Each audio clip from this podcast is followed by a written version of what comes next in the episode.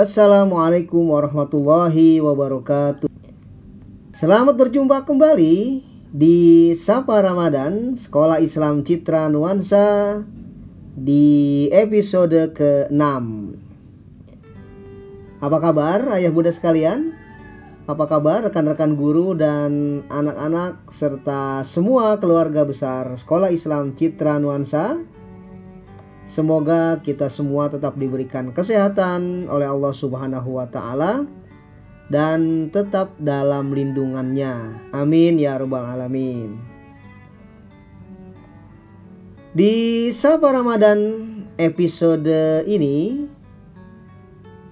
Nah, kita sudah di hari ke-12 Ramadan. Alhamdulillah ya. Sudah memasuki 10 hari kedua di bulan Ramadan tahun ini. Ada sebuah ungkapan. Ya, ada sebuah ungkapan katanya itu adalah hadis Nabi Muhammad, ada juga yang mengatakan itu bukan hadis. Bahwa bulan Ramadan terdiri dari tiga bagian yaitu 10 hari pertama Ramadan adalah hari-hari rahmat Allah Subhanahu wa taala. Karena mungkin di situ kita seperti merasakan e, sebuah tantangan yang cukup berat ya karena mengubah kebiasaan kita dalam hal kebutuhan tubuh ya makan, minum, kemudian maka di biasanya di 10 hari pertama tubuh melakukan penyesuaian dan di situlah Allah menaungi kita dengan rahmatnya.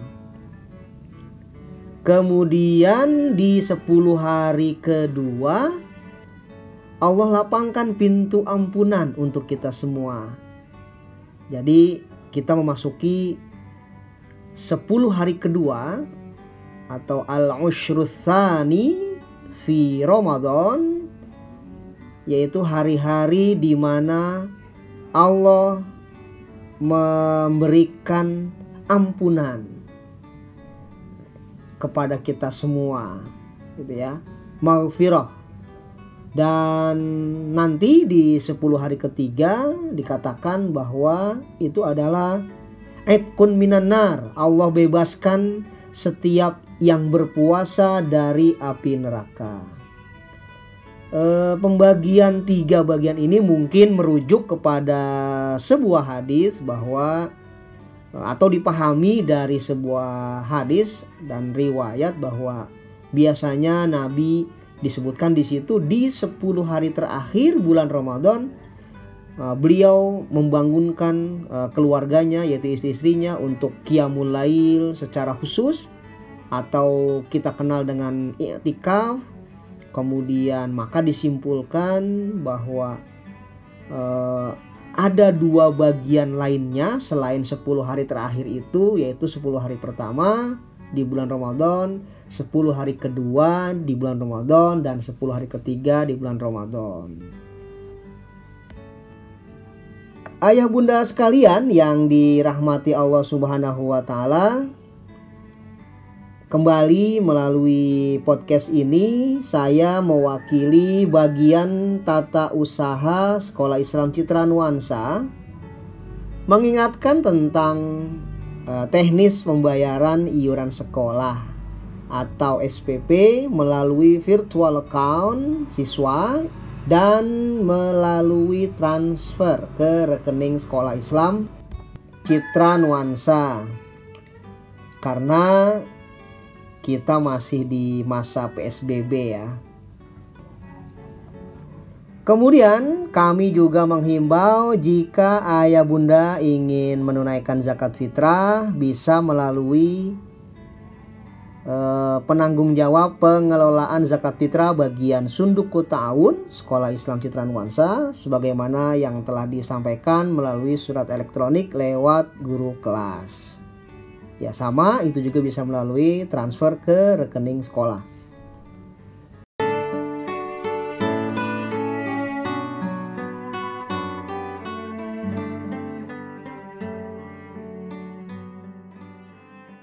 Ayah bunda sekalian, di episode kali ini saya coba ingin berbagi sedikit tentang masalah pendidikan yang sedang kita jalani prosesnya karena ini juga bagian dari parenting uh, Sekolah Islam Citra Nuansa di program School Parenting atau Sekolah Orang Tua Sekolah Islam Citra Nuansa dari bagian pengembangan program pendidikan dan sekolah serta SDM guru Yayasan Alasan Mekarsari.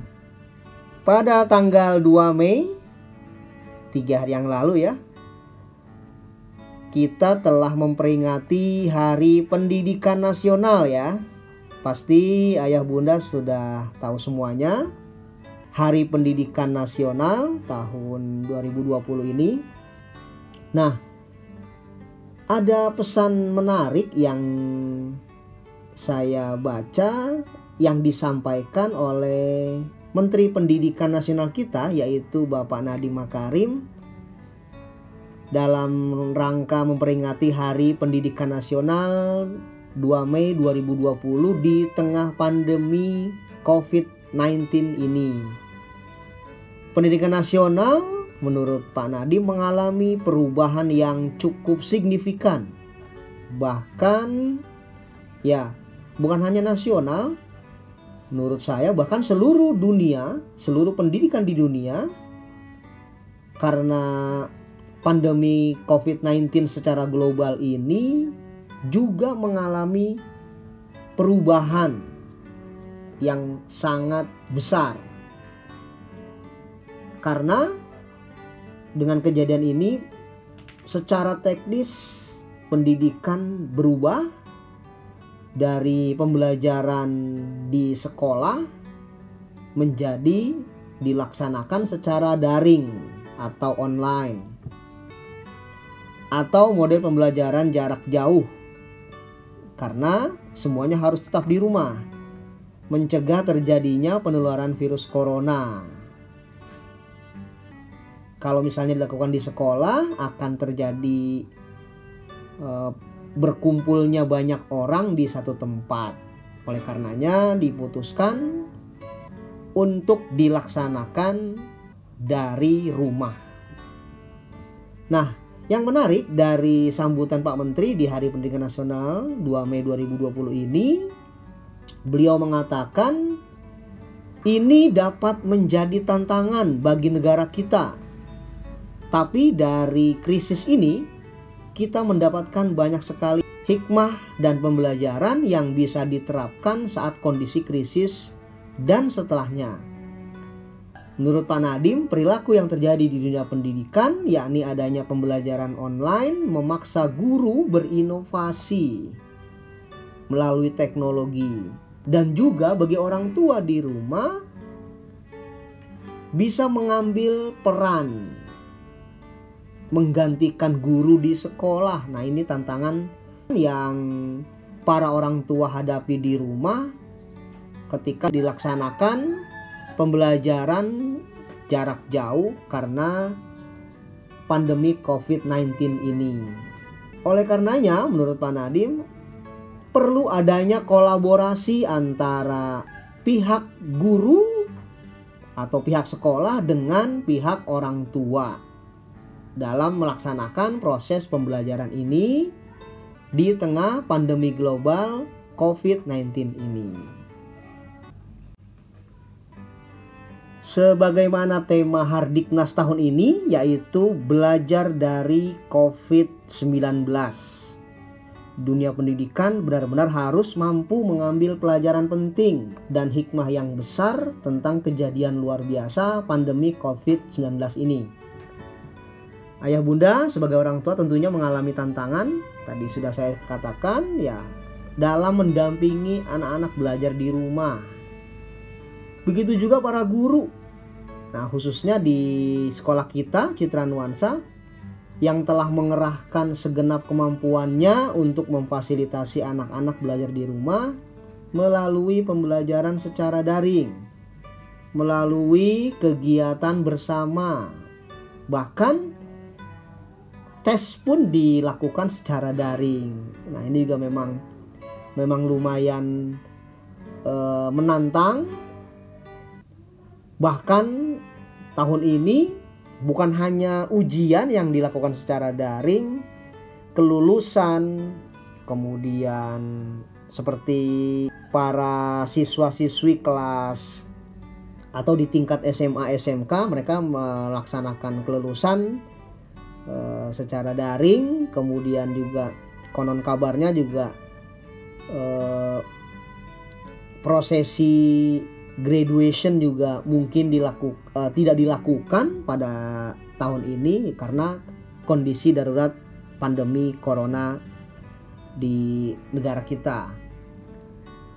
Ya, uh, mengutip dari portal berita Kata Data Co-ID bahwa jumlah kasus virus corona di tanah air masih terus menanjak. Tercatat hingga Sabtu kemarin tanggal 2 Mei terdapat tambahan kasus baru yaitu sejumlah 292 kasus. Sehingga total kasus mencapai 10.843 orang. Masya Allah.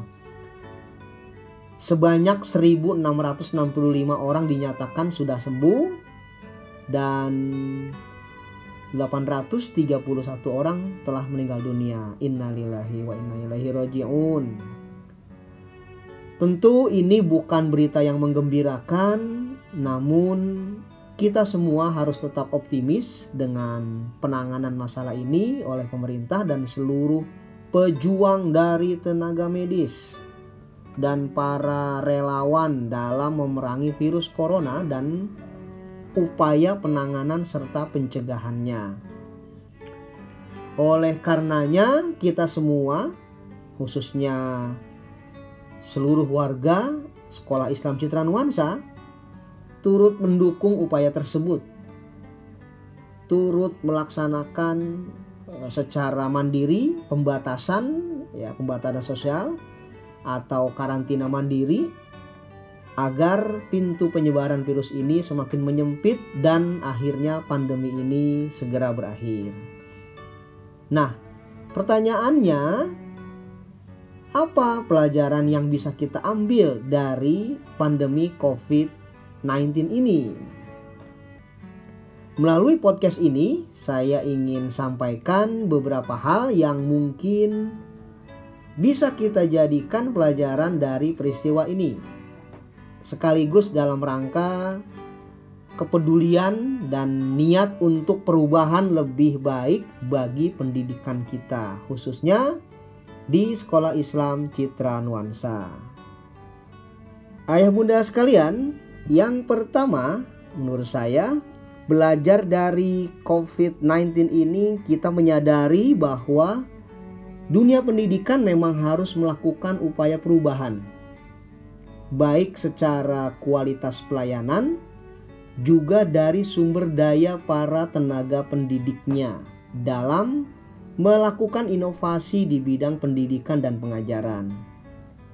Karena baik terjadi atau tidak terjadinya pandemi ini, sesungguhnya sistem pendidikan memang harus mulai menyesuaikan dan meningkatkan kemajuannya, meningkatkan kemampuan teknisnya.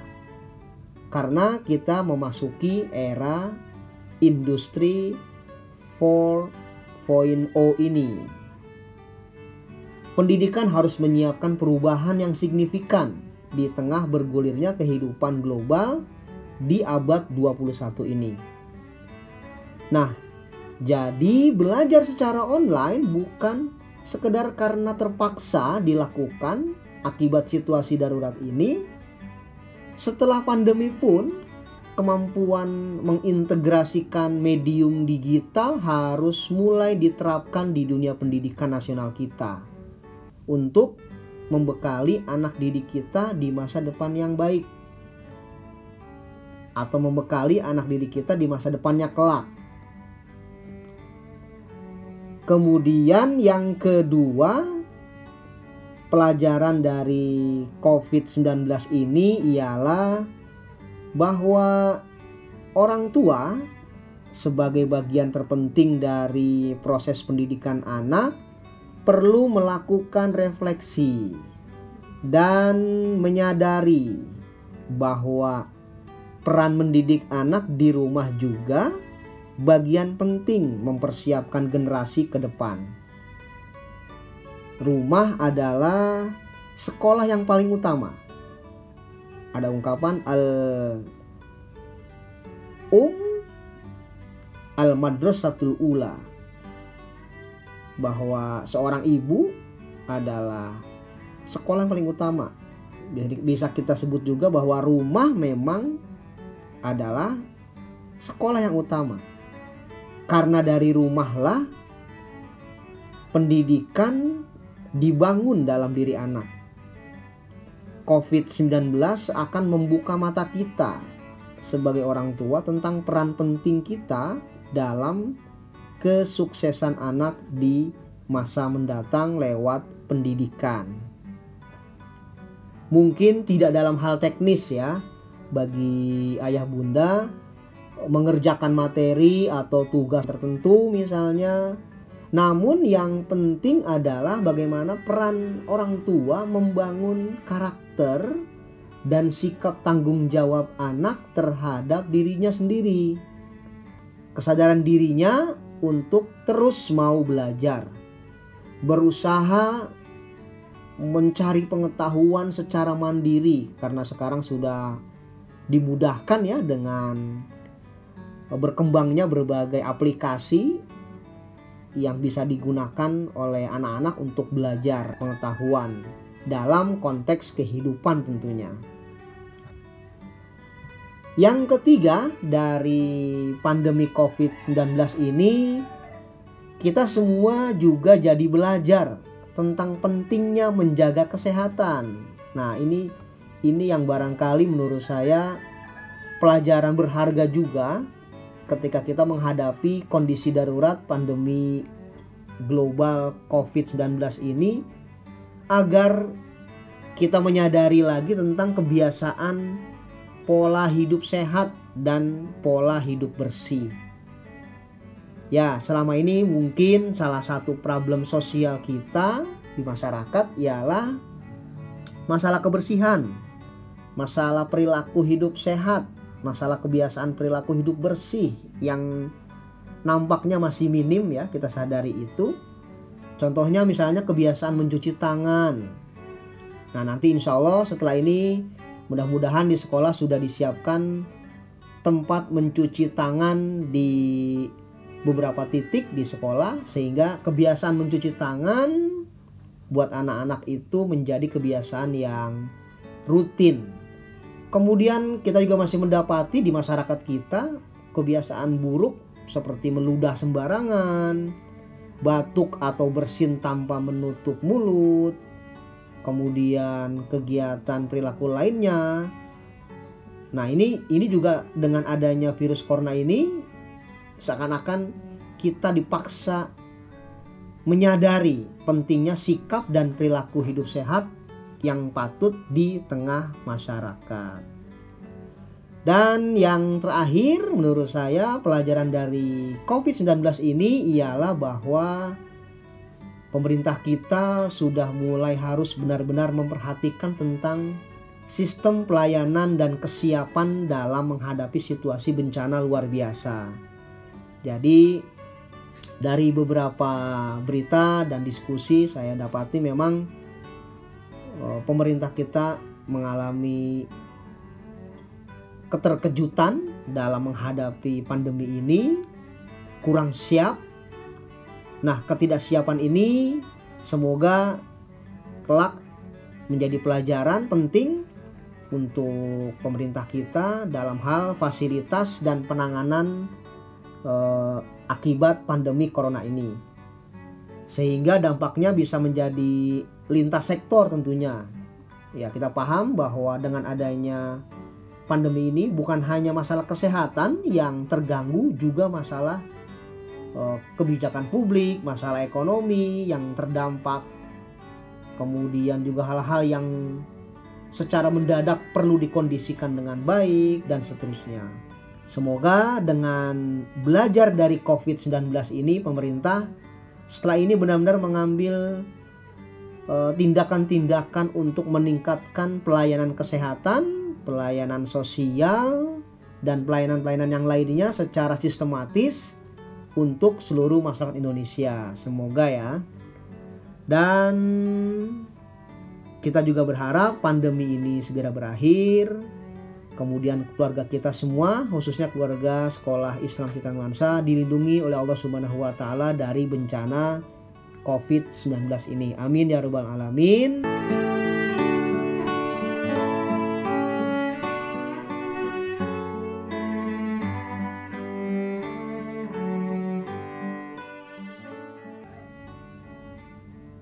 Demikian podcast Sapa Ramadan Sekolah Islam Citra Nuansa kali ini yaitu episode ke-6. Sampai berjumpa kembali di podcast selanjutnya. Podcast Sapa Ramadan, Sekolah Islam Citra Nuansa bersama saya, Pak Usram. Terima kasih atas perhatiannya. Wassalamualaikum warahmatullahi wabarakatuh.